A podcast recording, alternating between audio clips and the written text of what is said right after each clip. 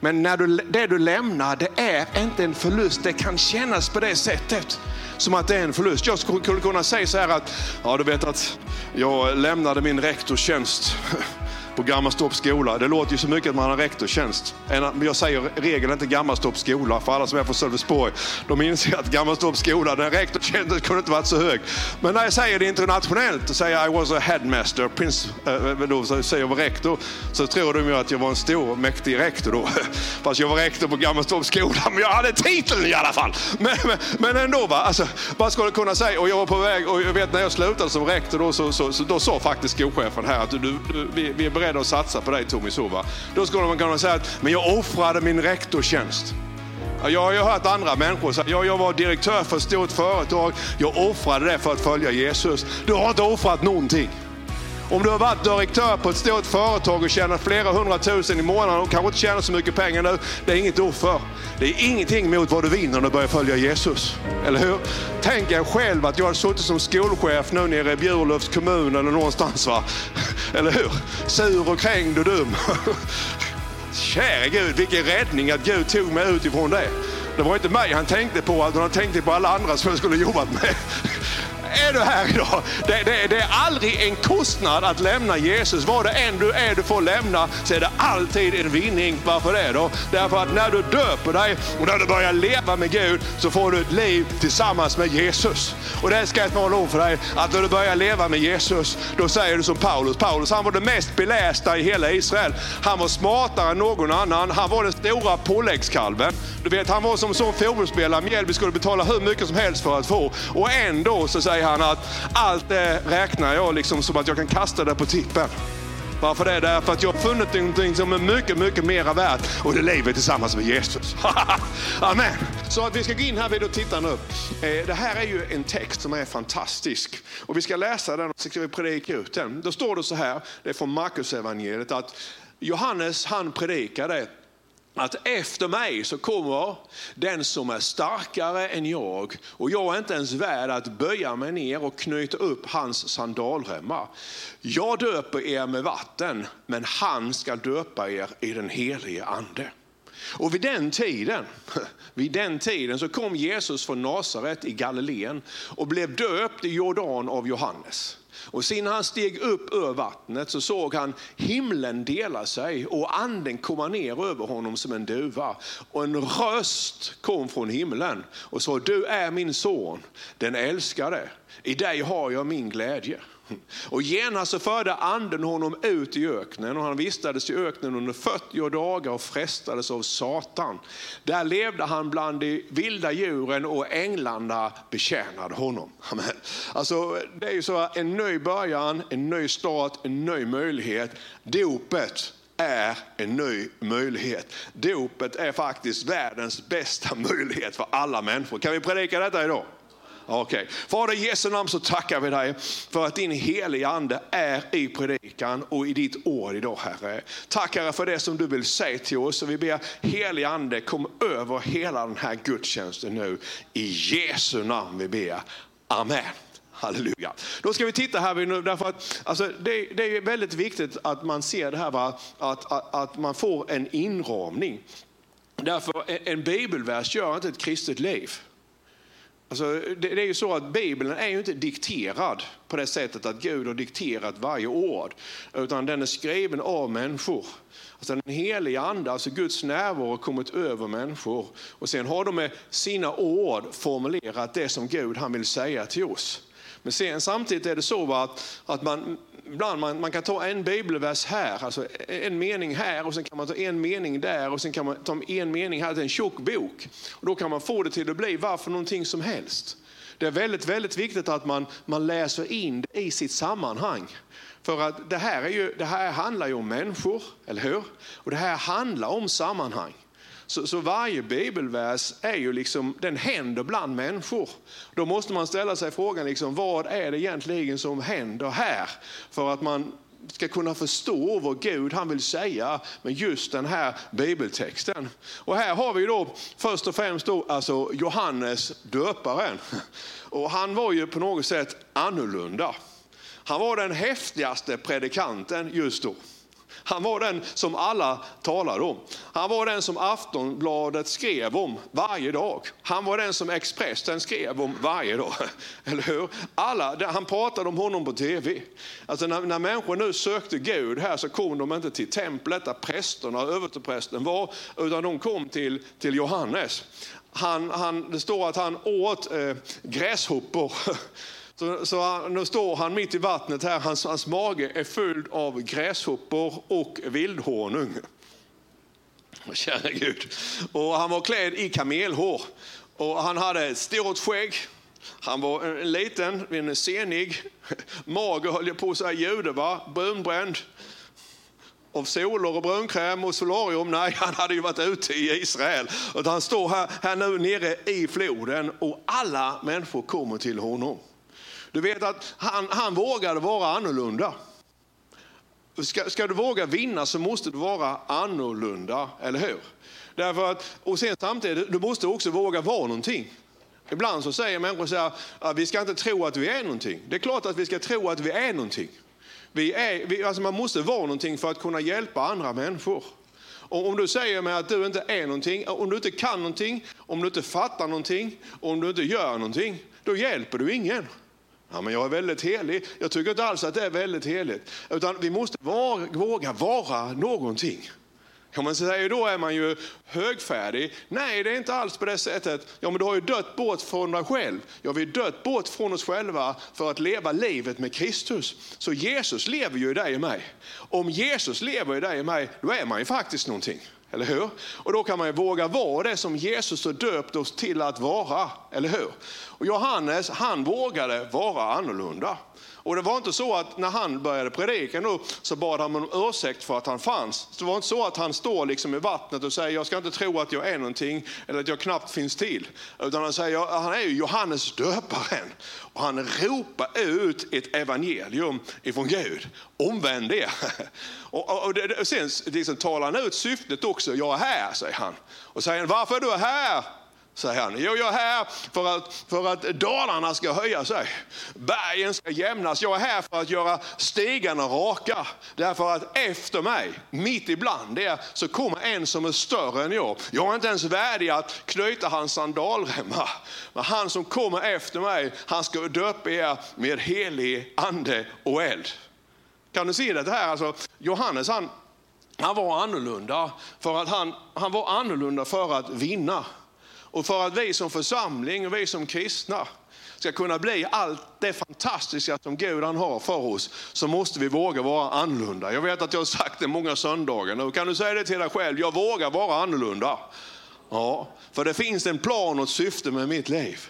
Och sen har man ju i den här situationen då, det är klart att prästerna uppe i Jerusalem, de var ju tokiga. Därför att deras kyrkor var ju tomma.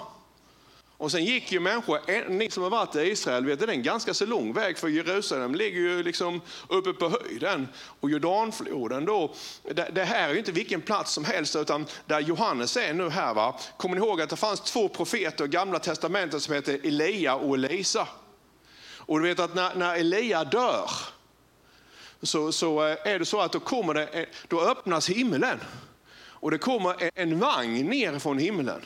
Den ser ut som att den är fylld med eld. alltså det här är ju en energi som kommer från himlen. Och den lyfter ju Elia upp ifrån marken och in i himlen. Så var var det Johannes han var? Johannes han var på den platsen där himlen hade en gång öppnat sig och tagit Elia in i himlen framför ögonen på profeten Elisa. Halleluja. Alltså han, han, är på den platsen där Josua han kommer med prästerna och ska invadera Israel. Så det här är inte vilken plats som helst. Här är Johannes döparen, magen full av gräshoppor och vildhonung, klädd i kamelhår. Och här är allt folket på något sätt, de är på väg ner för att höra på honom. Aftonbladet är där, Expressen är där, alla är där. Så finns det en person till som är där. Och det är Jesus. Men ingen vet ju vilken Jesus är. Har du tänkt på det? Alltså, han går ju omkring där. Han har varit försvunnen då i 18 år. Så det sista gången vi hör om honom det är ju när han är i templet som 12-åring. Och sen så är det ju ingenting. Och sen är det ingenting. Och sen är det ingenting. Och sen är det ingenting i 18 år och vi vet inte riktigt vad som händer då. Men alltså, här är ju då att Jesus han är ju, är ju ingenting. Så att Johannes han kan ju känna då i den här situationen, han står nere i floden Jordan och döper. Så, så känner han ju på insidan att det är någonting som rör sig bland folket. Men han, han vet ju inte riktigt hur Jesus ser ut. Vet om att Johannes hade ju mött Jesus en gång tidigare, för Johannes, alltså Jesus är ju på ett sätt Johannes kusin. Så, eh, när, när, när, Maria hon liksom hade blivit gravid genom den helige ande, då möter hon ju Elisabet, alltså Johannes mamma. Och när, när, Maria kommer in då med Jesus i magen, halleluja, då börjar ju fostret i Elisabets mage sparka. Eh, lyssna nu på mig, alltså när Jesus kommer så kan allting röra sig. Vad som händer här är att Johannes hade ju känt av Jesus en gång tidigare. Det var när Johannes också var ett, ett foster som låg i sin mammas Elisabets mage. Så när, när Jesus kommer då i Marias mage så är kraften redan då så stark över Jesus så att han blir kanske rent av andedöpt. Du vet när man börjar tala tungor där inne. På insidan av Elisabet. Men, men någonting händer. Och när nu Johannes han står nere i vattnet och han döper och han döper så kan han känna den där känslan som han kanske kommer ihåg någonstans på insidan. Det är någonting som rör sig som jag känner igen. Alltså det var samma känsla, det är samma kraft, det är samma person på något sätt som han mötte när han låg i sin mammas mage, rör sig bland folket. För Jesus han kunde ju gå omkring där. Det var ingen som visste vilken Jesus var. Eller hur? Han såg ut som vilken jude som helst. Han stick där och pratade med honom och säger att liksom så har den här Johannes och de, sen så någon annan det och sen är det där han som ska komma eller ska vänta på någon annan. Och, och folk de liksom diskuterade och där stod prästerna och, och där stod poliserna och där stod Aftonbladet och där stod alla möjliga människor. Hoppsan, nu kommer hon från TV4 också och nu kommer sporten från TV6. Och, ja, men där är alla var där nere på något sätt. Va? Och Jesus han går omkring där och rör sig. Och alla ögon, lyssna nu, alla ögon var på Johannes. Inga ögon var ju på Jesus. Alla ögon var på, på Johannes. Allt ljus var på Johannes. Den, den som du lyssnade på här nu, det var Johannes. Kan ni se hela den här situationen nu alltså? Här är allt folket. Johannes är allting centrum där han står på något sätt mitt i floden Jordan och döper folk och kallar dem till att omvända sig från döda gärningar till Gud. Och det är då det händer. Kan jag få nästa slide? Dopet då va, alltså, alltså från, från ingenting till allting. Alltså det är någonting som rör sig. Vi sjunger ju ibland, bland alla skuggorna står Jesus, eller hur? Någonstans bland alla skuggorna står Jesus. Men det är ju inte sant. Och Jesus är inte i skuggorna. Jesus är ju ljuset. Men här då så var han ju i skuggorna. Därför att ingen visste var han var, ingen såg honom. Och sen helt plötsligt då från en stund till nästa, från ingenting till allting då, så tar Jesus ett steg fram. Och så kommer han ner liksom på, på, på, på flodbädden här. Och så går han fram. Och så möter han blick, Johannes blick som står mitt i vattnet och döper människor. Och när, när Johannes blick liksom möter Jesu blick, då, då, så, då så på något sätt sparkar det till Johannes igen. Därför att han vet att han har mött den här personen en gång tidigare, för 30 år sedan. Han vet att han som är där, det är han som döper i helig ande och eld. Eller hur? Och titta nu här, för nu förändras allting. Det här är, det här är en av de, de absolut viktigaste eh, eh, händelserna i, i vår, vår historia. Därför att här går Jesus från ingenting till att bli allting. När han tar steget fram så tittar folk på honom och så undrar de, vem är han? Eller hur? För alla tittade på Johannes och då lyfter Johannes fingret och så pekar han på Jesus. Och där händer det, där går Jesus från att vara inofficiell till att bli officiell och det har han varit sedan den stunden. Då pekar han och säger, se halleluja, det är Guds lamm och då tittar alla omkring och så tittar de och så ser de, så ser de Jesus och där står Jesus. Så där, där är Guds lam som tager bort världens synd. Amen. Och från den stunden så har liksom hela Jesu liv då förändrats från att vara osynlig till att bli utpekad. Och här finns alltså också syftet. Och det är det jag menar, när du och jag vi döper till Jesus, det är först då vi fattar syftet med våra liv. Nu visste ju Jesus det tidigare, inte det jag säger. Men här blir syftet klart. Se, eller hur? Det Guds lamm som tar bort världens synd. Det var ju syftet. va. Och från den stunden som han utpekas, från den stunden så blir aldrig Jesus mer inaktuell.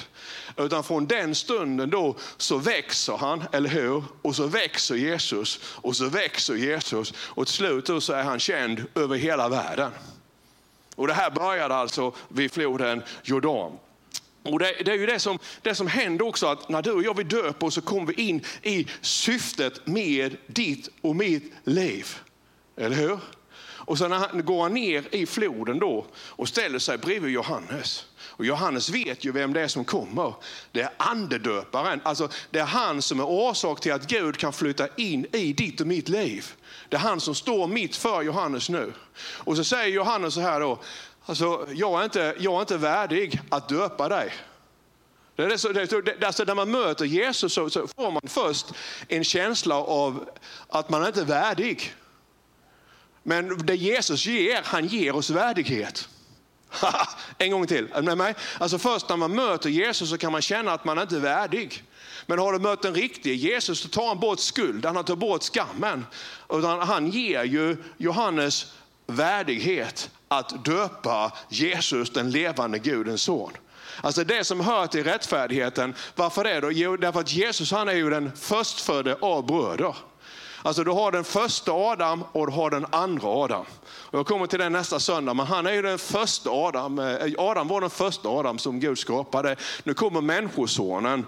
Jesus han är den andra Adam och han är den förstfödde av det nya släktet. Han är den förstfödde av en ny ras. Den nya rasen är de som är födda på nytt i Jesus Kristus. Är du med mig? Och Jesus han är ju vår modell. Han är mönsterbilden. Så det innebär att Jesus han gör det som han vill att du och jag ska göra. Och för att han ska kunna bli din och min broder, för att han ska kunna gå före då, så vad gör han då? Jo, han döper sig. Han behövde ju inte döpa sig, men han döper sig i alla fall. Eller hur? Så Jesus han döper sig och han döper sig av Johannes. Så då ser vi att, att han blir bekräftad tre gånger. Är du med mig? Ett, han blir bekräftad av sin kusin Johannes som säger, se där är Guds lamm som tar bort världens synd. Andra gången, så när han nu är döpt Jesus, han blir döpt, som Matsel ska döpas här sen. Va? Och när Jesus han kommer upp ur vattnet då, så börjar han be. Han ber på arameiska först och han ber till Gud. Och när han nu står i vattnet och ber, då är det precis som att himlen den öppnar sig. Kan du se det? Himlen öppnar sig. Jag säger himlen öppnar sig. Ja, och sen när himlen öppnar sig då, det är inte en duva, som, det är inte en fågel som kommer ner nu, utan det, det ser ut som en duva. Alltså det är någonting vitt som kommer ner i skepnaden av en duva.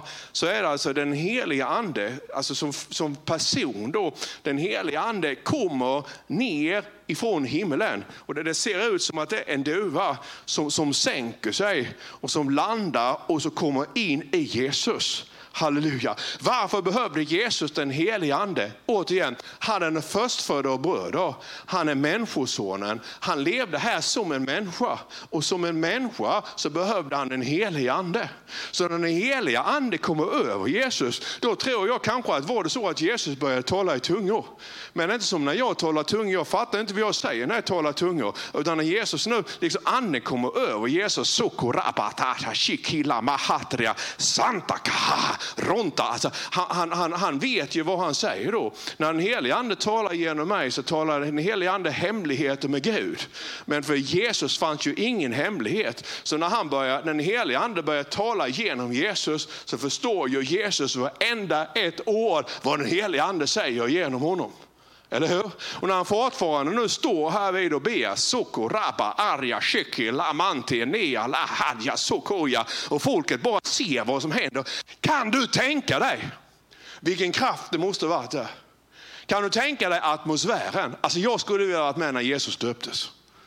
Kan du tänka dig själv att du stod där vid, står där vid, nere liksom, vid, vid, vid Jordans flodstränd och, och där kommer Jesus. Alltså hela, när, när, alltså först, först känner man inte av någonting. Utan sen på något sätt när Johannes han säger, se där är Guds offerlamm som tar bort världens synd. Då bara, boom, säger det. Det är liksom som, som en elektrisk kraft bara drabbar allting. Nu, nu på något sätt så börjar Guds kraft verka. Alltså det kändes nog som en jordbävning. Allting börjar darra, allting börjar vibrera. Och här då så döps Jesus. Fantastiskt. Och när han nu står i vattnet, och ber då arameiska, hebreiska i tungor då, så är det en röst som börjar tala ifrån himlen. Och en röst som säger, se min son som jag har min stora glädje. Alltså, det är så att Gud, Fadern, också bekräftar. Vad bekräftar Fadern? Jo, Fadern bekräftar att Jesus är hans son. Inte bara det att han är hans son, utan hans son som han har sin stora glädje i. Eller hur? Men du vet att samma sak när du och jag vi blir döpta. När vi döper oss till Jesus. Är du med mig? Då är det vi som församling. Vi bekräftar ju att vi tror att du är född på nytt genom din bekännelse. Så döper vi dig till Kristus i Faderns, Sonen och den helige Andes namn. Eller hur? Och när vi döper dig Amen. Då öppnar vi för att du också ska kunna bli fylld med samma ande som kom över Jesus. Och när du är döpt dig och anden kommer, då bekräftar också Fadern i himlen att du också är en son och du är en dotter till Gud. Så att när vi döper Matsell här idag så kommer hela himlen till att jubla. Och Fadern i himlen han ger sin bekräftelse att du är min son. Amen. Du är inte längre faderlös oavsett din situation.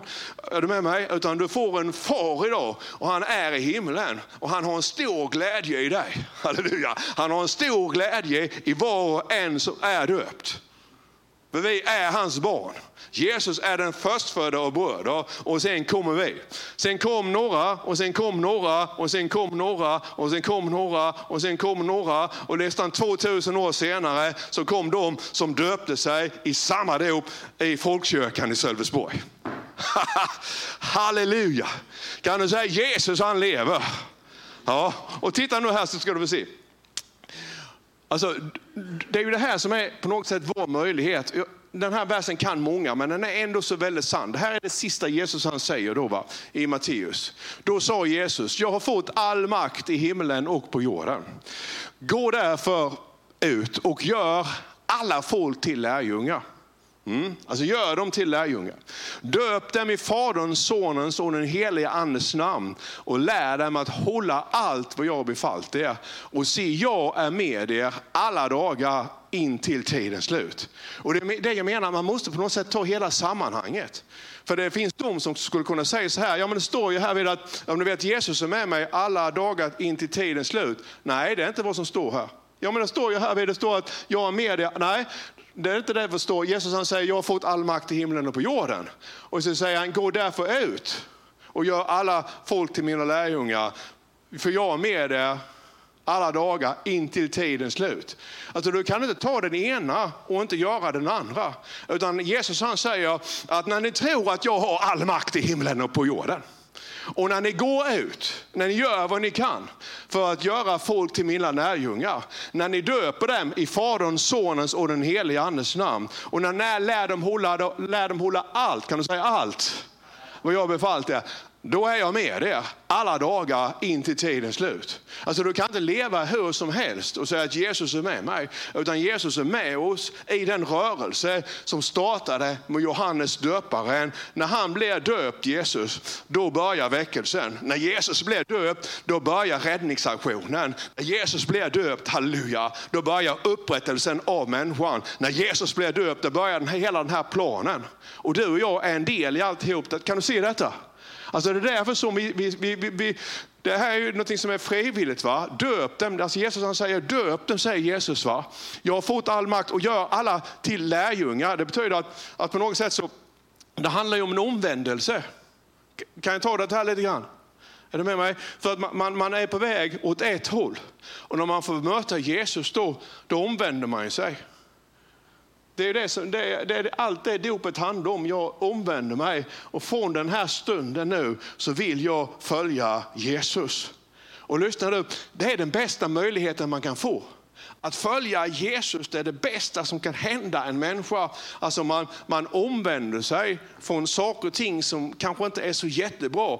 Eller saker och ting som kan vara bra också, det är inte det jag säger. Men man omvänder sig därför att man får ett nytt mål i sitt liv. Man får ett nytt syfte i sitt liv. Från och med nu så vill jag följa Jesus. Och, och det, då kan man bli lurad, så kan man tänka att det är tråkigt eller att det är jobbigt eller att man blir bestulen på någonting. Nej, nej, nej, nej. Alltså när du följer Jesus så blir du inte bestulen på någonting. Utan Jesus han kommer att ge dig det bästa du har. Alltså alla tjänar på att omvända sig och följa Jesus. Men sen är det också det, det är en annan predikan kanske, omvändelsen den, den pågår hela livet. Varje morgon får vi justera omvändelsen lite grann. Varje morgon får vi fundera så att vi har vårt fokus på Jesus, så att vi lever i omvändelsen. För det finns hela tiden saker och ting i dig, med, dig och mig och i omgivningen som vill att vi ska liksom släppa fokuset så att vi på något sätt går bort ifrån omvändelsen. Men vi ska lära alla att hålla allt vad Jesus har befallt oss. Amen. Och när vi, lyssna, när vi håller det som Jesus har befallt oss, för vi människor i kyrkan vi har så många andra regler som inte har att göra med vad Jesus befallt oss. Men framförallt har Jesus befallt oss att älska varandra. Om vi kan börja där så blir det mycket bättre, eller hur? Alltså när Jesus bad att älska oss varandra och när vi då älskar varandra och följer alltihop detta här så blir inte livet en belastning utan då blir livet att följa Jesus en möjlighet. En gång till, ju mer du älskar andra människor, ju mer den kärleken som inte söker sitt eget får växa i ditt liv, desto fler möjligheter öppnar sig för dig. Det är ett fantastiskt liv. För att du vet att vem mår bra av att vara avundsjuk? Ingen. Vem mår bra av att vara bitter? Ingen. Vem mår bra av att älska? Alla. Kom igen nu, hör ni vad jag säger? Alltså det här är ju på något sätt en omvändelse. Och då vet jag att när jag omvänt mig och jag säger Jesus, jag vill och jag försöker. Så, så är det liksom en möjlighet och han säger att jag är med dig alla dagar in till tidens slut. En till att du är klar i den här tiden, du går in i evigheten, så är jag med dig. Amen, så är det. Får jag nästa bild, slide här. Titta nu här. Då är det så att dopet är en ny start, en ny början till en ny möjlighet. Vi som, och det är det Paulus han skriver, vi som genom dopet har dött bort från synden, hur ska vi kunna fortsätta leva i den och missa målet? Och vet ni inte att alla vi som är döpta till Kristus, till församlingen, är döpta till hans död? Vi är begravda med honom för att leva det nya livet. Lämna något för att bli någonting annat. Har vi nu dött med Kristus så tror vi också att vi ska leva tillsammans med honom. Och nu, om du tittar eh, på Facebook eller sociala medier eller här. Alltså i, I kyrkan så finns det något som kallas för en syndakatalog. Och den är olika i olika kyrkor i olika tider. Och många gånger så, det, så kan man stryka det mesta som finns där därför att det är regler som vi hittat på. Utan att synda det innebär att man missar målet med sitt liv. Och målet med livet är, är först och främst att du och jag ska komma till Jesus. Eller hur? Och, och, och jag, jag, tänkte nu här vid, alltså, man, man blev bedrövad. Och alla vet att liksom Elvis Presleys dotter, hon, hon, dog ju här nu i veckan. Eh, både hon, hon var gift då med Michael Jackson. Alltså, de var eh, på något sätt födda med en guldsked i munnen. De hade alla möjligheter. Men ändå så missade de kanske bålet med hela sitt liv. De såg inget syfte, de såg ingen mening med att leva. Och, och, när man tittar på gamla filmer och dokumentärer om Elvis Presley så var det, det var liksom både, både mörker och ljus och ropade till honom. Han skulle kunna vänt om och blivit världens största gospelsångare, eller hur? Han kunde följt Jesus. Då hade han kanske levt än idag. Och vi vet ju inte vad som händer nu på livets slut i hans liv, så det, det är inte det jag säger. Men jag menar bara att, att, att, att synden då, det finns saker och ting i våra liv som är destruktiva.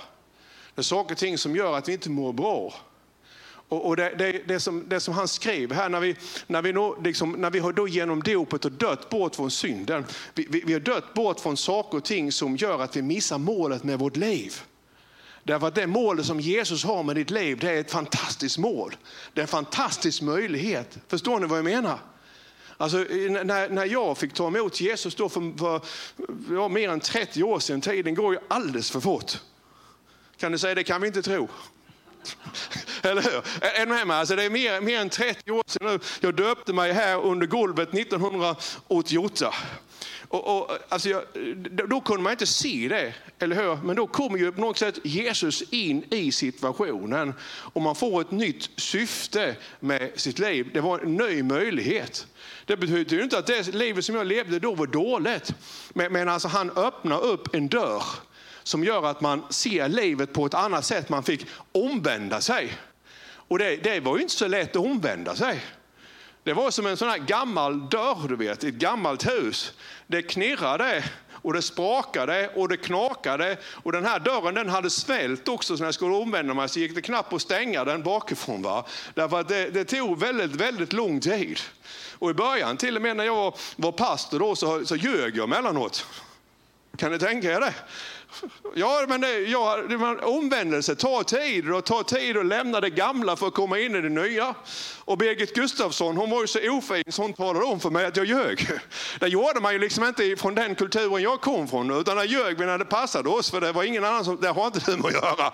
Och då står jag och pratar med Birgit Gustafsson och så säger hon till mig, Tommy sa hon, du ljög sa hon. Och jag tänkte, du är inte lite fräck du? För, för dessutom var det ju sant. va? Och se, samtidigt så skämdes jag ju, för jag var ju pastor. En pastor ska ju inte ljuga, för du hålla med om. Va? Och det var en riktig ordentlig lögn också. Och sen den dagen har jag inte ljugit. Så. Men förstår ni? Alltså, man, ibland behöver man gå på en smäll offentligt för att man ska omvända sig och börja följa Jesus och det är det jag försöker säga här, att, att det finns saker och ting i frikyrkan som du inte ska lyssna till. För det är inte det du ska omvända dig. Du ska omvända till att leva först och främst med att älska människor med en kärlek som inte söker sitt eget. Och sen följer resten därpå. Hör, hör ni vad jag säger? Och när du, bara följa, när du väl börjar följa Jesus så kommer han till att öppna möjligheter steg för steg. Och det här kommer till att lösa sig själv. Och du, du, du kommer till, när, du får anden så kommer det lägga sig i ditt hjärta på insidan. Så då kan du följa hjärtat på insidan. Det är så många människor som kommer att försöka pracka på dig en massa saker om du tar emot Jesus. Utan bara vänta på att det landar. Läs din bibel, läs evangelierna och låt Jesus börja tala från insidan. Ha inte så brått. Ta ett litet steg då och ta ett litet steg då och ett litet steg då så går det framåt. Men jag har ju varit frälst här vid nu, kära Gud, snart i 35 år. Och, och det är fortfarande steg att ta. Men det är en del av livet. Alltså helt perfekt blir man först den dagen när man får lämna det här livet, kommer till himlen. Och då så står det så här, va? jag var inte riktigt klar där, kära Rebecka. Eller vet ni inte att alla som är döpta till Kristus är döpta till hans död? Vi är begravda med honom för att leva det nya livet. Alltså vi lämnar någonting för att bli någonting annat. Och vad är det som man får lämna? Då man kanske får lämna olika saker. Men när du, det du lämnar, det är inte en förlust. Det kan kännas på det sättet som att det är en förlust. Jag skulle kunna säga så här att, ja du vet att jag lämnade min rektorstjänst på Gammalstorps skola. Det låter ju så mycket att man har rektorstjänst.